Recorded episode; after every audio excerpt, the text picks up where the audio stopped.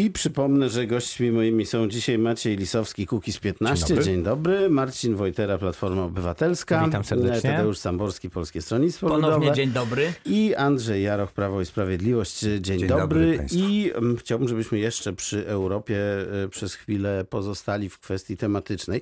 Bardzo bym rad na przykład posłuchać takiej debaty, jak pani minister Zalewska z panią Janiną Chojską by debatowały na temat Brexitu przykładowo. Yy, I wyzwań w ogóle, które przed Europą stoją w najbliższym czasie. Tymczasem odnoszę wrażenie, że w tej yy, kampanii wyborczej jednak no, mówi się to, co i tak słyszeliśmy już bardzo wiele razy przy okazji różnych kampanii, a sprawy europejskie nie są poruszane albo w ogóle, albo w stopniu marginalnym. Czy panowie się ze mną zgadzają?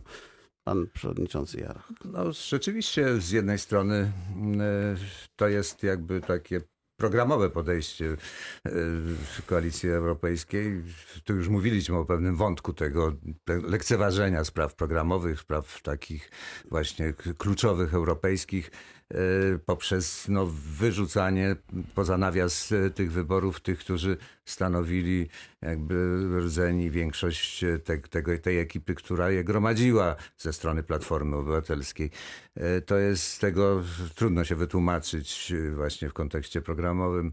My ogłosiliśmy deklarację programową, która specyfikuje w takich 12 celach, jak 12 gwiazd, w, nazwijmy to flagą Unii Europejskiej, chociaż to się jest tylko taki promocyjny walor ma ta, ta chorągiew, ta flaga. No i to jest punkt wyjścia do każdego programu, na każdej debaty, również pani Zalewskiej z panią panią Ochojską. Ochojską. Ja sądzę, że, że tutaj bardzo cenię panią Ochojską i to wszystko, co robiła dla tutaj różnych polskich bied, że tak powiem.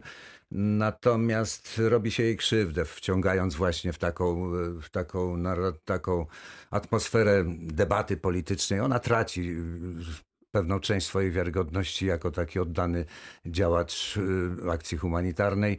No trudno, przeżyjemy to. Natomiast nic tutaj u nas, żadnych tych, nawet usłyszałem pan profesor Krasnodębski, jak już ogłoszono, że pani premier Kopacz będzie jego konkurentką w Wielkopolsce, już ją zaprosił do debaty w dowolnie wybranym języku spośród czterech, które zgłosił. W związku z tym sądzę, że takie debaty będą miały miejsce. Nasz program i stanowisko jest jasne, to jest bardzo czytelne, chociaż zwięźle napisane odwołujemy się do tego już w tej, w każdym razie Polska.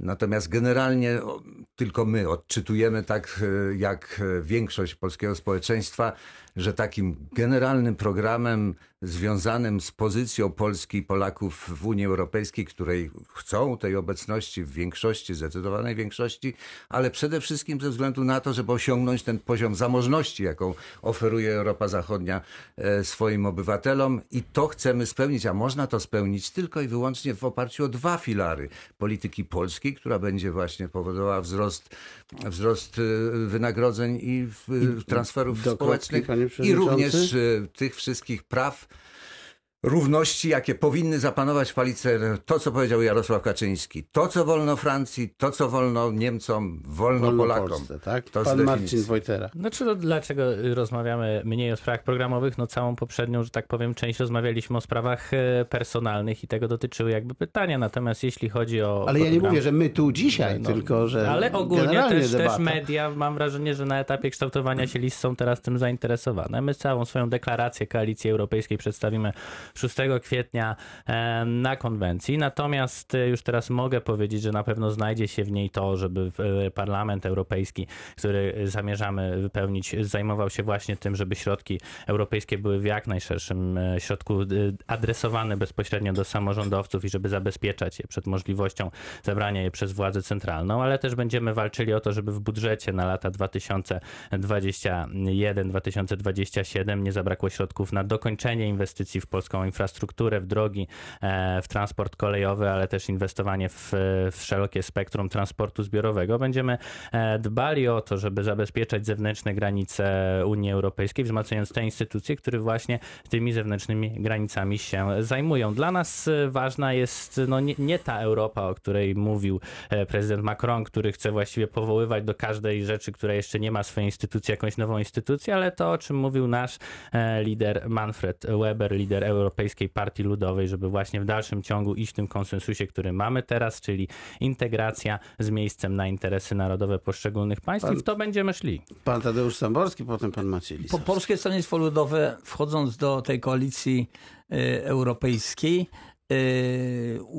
określa jednoznacznie, że jest to koalicja proeuropejska i propolska, czyli walka o polskie interesy tam właśnie na tym forum europejskim. Y, przecież nie, nie po drodze wam z Weberem, bo nie da się znaleźć sposób, żeby wyeliminować Polskę i Węgry z... Y, ja nie, nie, nie, nie, nie, nie, nie, nie da się. Na, na podstawie Jego wypowiedzi. Nie, nie da się, nie było takiej wypowiedzi. W czasie konferencji. Pa, pa, pa, proszę panów, proszę państwa, nie da się ukryć, że są takie środowiska także w Unii Europejskiej, które na przykład e, chciałyby zlikwidowania, do, dążą do zlikwidowania wspólnej polityki rolnej.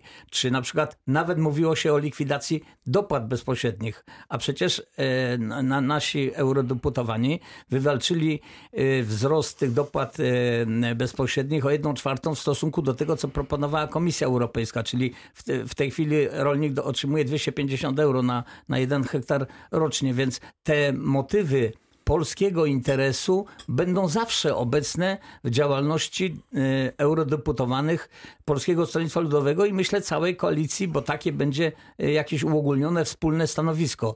Y, nie, nie można mówić o Europie i sprawach europejskich, Unii Europejskiej, Parlamencie bez czynnika interesu polskiego.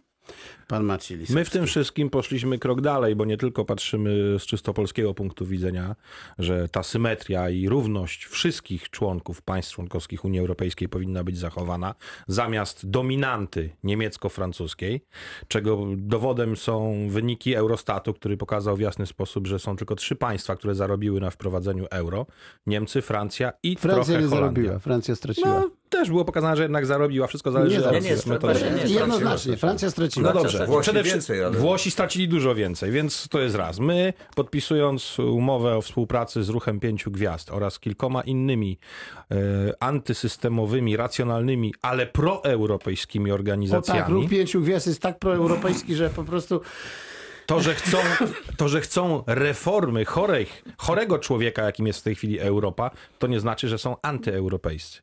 Więc patrząc na to z tego punktu widzenia, gdzie jest potrzebny po prostu pragmatyzm i racjonalizm, my próbujemy w szerszym gronie iść i wpłynąć na to, co się w tym Europarlamencie dzieje. Nie tylko z punktu widzenia Polski, ale patrząc trochę wyżej, ponad polityką przede wszystkim, patrząc na interes obywateli Unii Europejskiej, który na tą chwilę wielokrotnie poprzez interes partykularny jednostek, takich jak chociażby Angela Merkel i jej własne decyzje o przyjmowaniu uchodźców, które rzutują na nas wszystkich, żeby do takich sytuacji nie dochodziło. Ale to jest, y, jak panowie często podkreślali, y, zestaw wolnych krajów. No i każdy może sobie we własnym wolnym kraju przyjmować kogo chce lub nie przyjmować. Zgadza się, tylko że jeżeli prawo międzynarodowe definiuje, gdzie się wyczerpuje definicja słowa uchodźca, która jest związana z pojęciem konfliktu zbrojnego, to dlaczego pięć granic dalej nadal nazywa się go uchodźcą, skoro powinna się ta definicja wyczerpać już tak naprawdę w tym przypadku w Turcji, poza granicami Unii Europejskiej? To jak ze strefą euro, proszę panów, e, bo to jest dość interesująca rzecz. E, wiemy wszyscy, co to jest Europa dwóch prędkości. E, wiemy rzeczywiście, że większość krajów w ciągu tych 20 lat na wprowadzeniu euro straciła. Tym niemniej poziom życia w tych krajach jest z całą pewnością wciąż o wiele wyższy, także w tych, które, które straciły niż w Polsce. Więc no teraz pytanie, czy nie postawimy się poza głównym nurtem polityki europejskiej, będąc poza strefą euro? Euro, abstrahując już od tego, że trzeba by zmienić konstytucję, a z jednej strony, a z drugiej strony, że przyjęliśmy to euro w referendum akcesyjnym już 15 lat temu. Panów zdanie na ten temat, pan przewodniczący Jaroch. Tak, no pan redaktor zaczął od wyjaśnienia rzeczywiście głównych przesłanek y, tego, co można w, jeśli chodzi o walutę. Co można, czego nie można. I czego mówiąc. nie można. My nie będziemy rewidować ani traktatu, który nas, tak powiem, zobowiązuje do rozważenia tego w odpowiednim czasie, ale właśnie w odpowiednim czasie, w odpowiednich relacjach pomiędzy dochodem per capita w naszym kraju i w Unii e, Europejskiej, w zachodnich krajach. Przy czym jesteśmy generalnie, jakby pan zapytał specjalistów od e, polityki monetarnej, to żaden system tak sztuczny jak, jak właśnie system euro wprowadzony bez y, uwzględnienia jakichkolwiek w pierwszej fazie, w pierwszym kroku. Y, tutaj los Grecji w tej sprawie jest dobrą ilustracją prawdziwości tych założeń i w związku z tym trzeba zawsze na każdym etapie, nawet jak już jest wszystko pod kontrolą i w gruncie rzeczy te wszystkie elementy y, dotyczące no, pewnej dyscypliny finansowej, stanu budżetu, możliwości kredytowych i tak dalej będą przygotowane, to trzeba na to patrzeć jako pewien rodzaj e, no, zagrożenia mimo wszystko. I dlatego, dlatego tutaj rzadko Żadnych się o tym ruchów, dyskutuje. Tak? Chciałbym pogłębionej, takiej rzeczywistej dyskusji, o. bo nawet krytyczny wobec tego pan kiedyś poprzednio prezes Banku Narodowego, pan profesor Belka, przyznając y, w zasadzie rację, że taki model wprowadzenia euro rodzi takie, to uzasadnia i przykrywa to tymi różnymi drobnymi technicznymi, które mogą wystąpić albo nie. W związku z tym tutaj naszym rodakom należy się też taka dyskusja. Jeżeli my jesteśmy oczywiście, tak jak powiedziałem na początku, zwolennikami utrzymania tej, tej, tej zapisów traktatowych, oczywiście zdajemy sobie sprawę, że konstytucja to jest większość, która nie jest w zasadzie tak w zasięgu ręki, nie jeśli jest. o to chodzi. W związku, z tym, w związku z tym no, jesteśmy spokojni i będziemy w odpowiednim czasie. A czy koalicja, czy koalicja europejska ma jakieś jasne stanowisko w tej My, Myślę, kwestii? że również to jest fa- jesteśmy w fazie e, poważnej debaty na ten temat. W perspektywie na horyzoncie jest na pewno e, wstąpienie do strefy euro, ale to nie jest określony bliżej horyzont czasowy. Ja pamiętam, bo często bywałem na Litwie w tym momencie, kiedy oni wprowadzili euro e, i były tam sytuacje niemal dramatyczne. Po prostu oni byli bardzo zdziwieni obniżeniem poziomu e, życia, a e, cenami, które e, wtedy im zaproponowano. A Słowakom się podobało. No właśnie, no, więc ale też widać z tego różnie bywa. Do, do naszych sklepów, więc poza no. tym no, jednak ciągle musimy też uwzględnić to, że własna narodowa waluta daje możliwość kontrolowania pewnych mechanizmów gospodarczych. Warunkach kryzysu. Jest, jest elementem suwerenności państwowej nie tylko w ekonomicznym wymiarze, więc dlatego z dużą ostrożnością podchodzimy do tej propozycji. Rozumiem, pan ja Marcin się tutaj, Ja się tutaj właściwie zgadzam z panami. No jest faktycznie, tak jak pan redaktor powiedział, w traktacie akcesyjnym przyjęliśmy, że to euro wprowadzimy i w momencie, w którym faktycznie polska sytuacja gospodarcza będzie na tyle dobra, żebyśmy mogli wejść tam suchą nogą i żeby takich sytuacji jak na Litwie nie było, to uważam, że wtedy powinniśmy podejść, natomiast ten czas jeszcze A to nam nie daje, nastąpił. zauważcie panowie, że przerwę na sekundę, taką, taką e, Polskę w pigułce, bo my wprowadziliśmy, ale nie wprowadzamy. I otóż tu mamy na papierze są wszystko pewne... elegancko, a nie, nie, nie do końca. sobie. Po coś są tam wskazane, są wskazane wymogi w traktacie, które państwo musi osiągnąć. Jeśli my ich e, nie osiągamy, no to w tym momencie nie ma po co się pchać e, na siłę, bo faktycznie były państwa, które przyspieszyły to, w sensie bardzo chciały i potem tego żałowały, więc uważam, że po coś jednak te wymogi są wprowadzone i żeby gospodarka była bezpieczna, trzeba je spełniać. Jest to chyba jak najbardziej e, słuszne, bo to była tak naprawdę zgoda kierunkowa, tak. a nie dokładnie napisana kiedy, co, gdzie i jak, tylko pewne warunki. Skoro nie zostały spełnione, to szanujmy ten traktat taki, jakim on jest. I nie Ciekawe. spieszmy się zanadto. Ponadto waluta narodowa daje naprawdę duży, pozytywny handicap dla polskich przedsiębiorców, jeżeli chodzi o właściwe podejście do eksportu.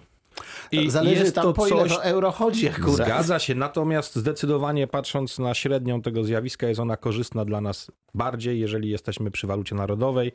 Ponadto jest wiele tendencji ku temu, aby tworzyć waluty regionalne, subregionalne nawet, y, różnego rodzaju waluty lokalne i odchodzenie od pieniądza fiducjarnego, który jak się okazało niestety jest zbyt podatny na prostą e, grę giełdową. Wielu graczy, chociażby pana Sorosza, który sobie pozwalał robić takie wycieczki chociażby na złotówce, na funcie brytyjskim i na tym robił największe pieniądze. Ja bym chciał jeszcze jednak e, jedną rzecz wspomnieć, że Kukiz 15 zawarł również porozumienie na polskim rynku, że tak powiem, politycznym, jeśli tak go można nazwać, e, z organizacją poszkodowanych przez system bankowy, czyli Stop Bankowemu Bezprawiu, którzy będą startować z list Kukiz 15.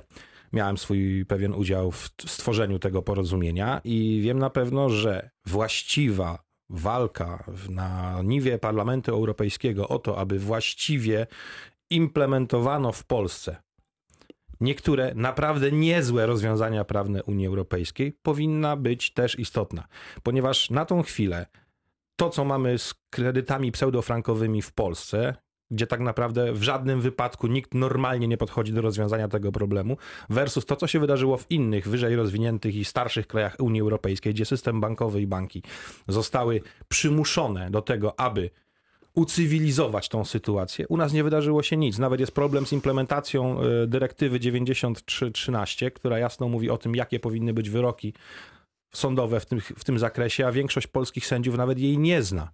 No ale nie, to nie ma takich dyrektyw, które mówią, jakie powinny być wyroki Oj, sądowe. Tu bym się, tu bym się nie zgodził, proszę sprawdzić, panie redaktorze. To Więc co innego. implementacja właściwa przepisów Unii Europejskiej, co do których nasza konstytucja mówi, że ratyfikowane umowy międzynarodowe są źródłem prawa w Polsce, na tą chwilę jest jawnie pogwałcana przez y, sądownictwo polskie. To panowie, na koniec jeszcze chciałem, tak jak się umawialiśmy wcześniej, o e, refleksję na temat tej konferencji mm, polskich biskupów i jakby rozliczania e, się samego kościoła z e, kwestiami związanymi z pedofilią. Została ta konferencja raczej no, przyjęta chłodno, pan przewodniczący Jaro. Konferencja była już jakby zwieńczeniem pewnego procesu, który się rozpoczął kilka lat temu, kiedy Episkopat Polski podjął e, decyzję o takiej bezwzględnej e, walce z niepozostawiającej żadnej. Zauważę tutaj na początek też, że taka definicja penalizacji e, pedofilii, ona określa, stawia granicę 15 lat prawie kanonicznym i w tych postępowaniach dyscyplinarnych e, struktur kościoła za ten grzech pedofilii uważa się takie działania wobec e, do 18 lat. I to jest odpowiedź na pytanie często padające, dlaczego spośród 380 przypadków tylko 40% księży trafiło tam pod, do wymiaru sprawiedliwości, jak doniesienia. Przecież ta, ta, te 60% to jest efekt właśnie zamiatania pod stół. Oczywista nieprawda. Tam trafiały wszystkie te, które są według stanu prawa w Polsce rzeczywistą pedofilią, a to jest tylko właśnie około 200 przypadków z tych 380. Rozumiem. To jest, to jest rzecz, która, którą tylko podkreślam. Natomiast mhm. oczywista rzecz, że to jest grzech, który wołał pomstę do nieba to jest grzech, który na gruncie Kościoła i nauczania i etyki katolickiej zasługuje na to, tak jak wszystkie występki wobec dzieci, e, gorszące dzieci, kamień młyński u szyi, tak, tak e, uczy Pismo Święte. W związku z tym, no, to sądzę, że będzie sprawę dalej posuwało do przodu. I tu zauważę jedną ważną rzecz, która się nie pojawia. Do kropki, panie pośród, pośród tej statystyki, jaką Kościół wyodrębnił, pierwotną przyczyną tych działań pedofilskich była, był homoseksualizm około 90% tej próby. Więc y, tutaj też nie, bym na to nie wiąże jest, w żaden sposób no, w kwestiach Takie są komunikaty. To, to jest profesor Pan Tadeusz Tamborski. Ksiądz, wprawdzie, ale profesor, który to pa, badał. Papież Franciszek y, na którymś spotkaniu mówił do kardynałów, chcę, żebyście jako e, duszpasterze, jako pasterze byli przesiąknięci zapachem swoich owiec. E, e, czyli po prostu, żeby no, jednak byli bardzo szczerzy i bardzo otwarci i klarowni w, tej sprawie. Ja myślę, że Kościół próbuje stawić czoła jednak tej, temu problemowi, ciężkiemu oczywiście. Zaczęło się chyba w listopadzie ubiegłego roku ta konferencja episkopatu, która podjęła stosowne znaczy, decyzje. Nie, nie jest pan rozczarowany? Czym? Tą konferencją episkopatu? No nie, bo przecież po raz pierwszy padły cyfry. E, otwarcie powiedziano o, o, tej ciężkiej, że tak powiem, Zapewniam chorobie. Pana, atak będzie trwał dalej. Nie ma co do tego wątpliwości. Rozumiem, ale musimy dostrzec też, też wolę Kościoła do tego, żeby klarownie sytuację przedstawiać Pan Marcin w odróżnieniu Wojtera. do tego, co się działo do tej pory. Pół minuty. No, to jest, no mówię, to, to jest e, temat, e, temat rzeka. Znaczy dobrze, że w ogóle taka konferencja się odbyła, że Kościół nie udaje, że takiego problemu nie ma. Natomiast tutaj się nie zgodzę, jeśli chodzi o przypadki, które są zgłaszane, że takiej faktycznie pedofilii zgodnie z polskim e, prawem się dopuściło osoby duchownej jest tutaj więcej niż, e, niż wskazał, niż wskazał ten, ten raport. E, więc jest to jakiś krok, ale mam wrażenie, że tylko i wyłącznie pół kroku. No i chyba tak naprawdę w Polsce będą prędzej czy później potrzebne rozwiązania irlandzkie, które przekazały po prostu badanie spraw Nie pedofilii w kościele niezależnej komisji, w skład której wchodziły i osoby duchowne, i politycy, ale też niezależni eksperci, bo jak na razie to, co Kościół robi, to jest absolutnie za mało. I pan Maciej Rozczarowanie to jest właściwe słowo, bo ja zamiast pokory i skruchy widziałem tam więcej buty w zachowaniu hierarchów kościoła niż tych dwóch rzeczy, które być tam powinny, niestety. I powiem tak, nie oceniając samego, samej organizacji, jaką jest Kościół, która przez długi czas utrzymywała to wszystko zdecydowanie zamiecione pod dywan, powiem tylko tak. Za to, za zbrodnię, jaką jest zniszczenie zaufania dzieci do osób zaufania publicznego, jakimi są księża, ale tak samo dotyczy to również środowiska wszelkiej maści pedagogów i tym podobnych. Powiem tak, kara nie powinna być solidna, tylko powinna być wielokrotnie bardziej bezwzględna, bo za tą zbrodnię zniszczenia zaufania te dzieci będą płacić do końca życia, a to one są ofiarami, a powinni płacić za to winowajcy. Maciej Lisowski, Kukiz 15, Marcin Wojtera, Platforma Obywatelska, Tadeusz Samborski, PSL, Andrzej Jaruch, Prawo i Sprawiedliwość. Bardzo panom dziękuję.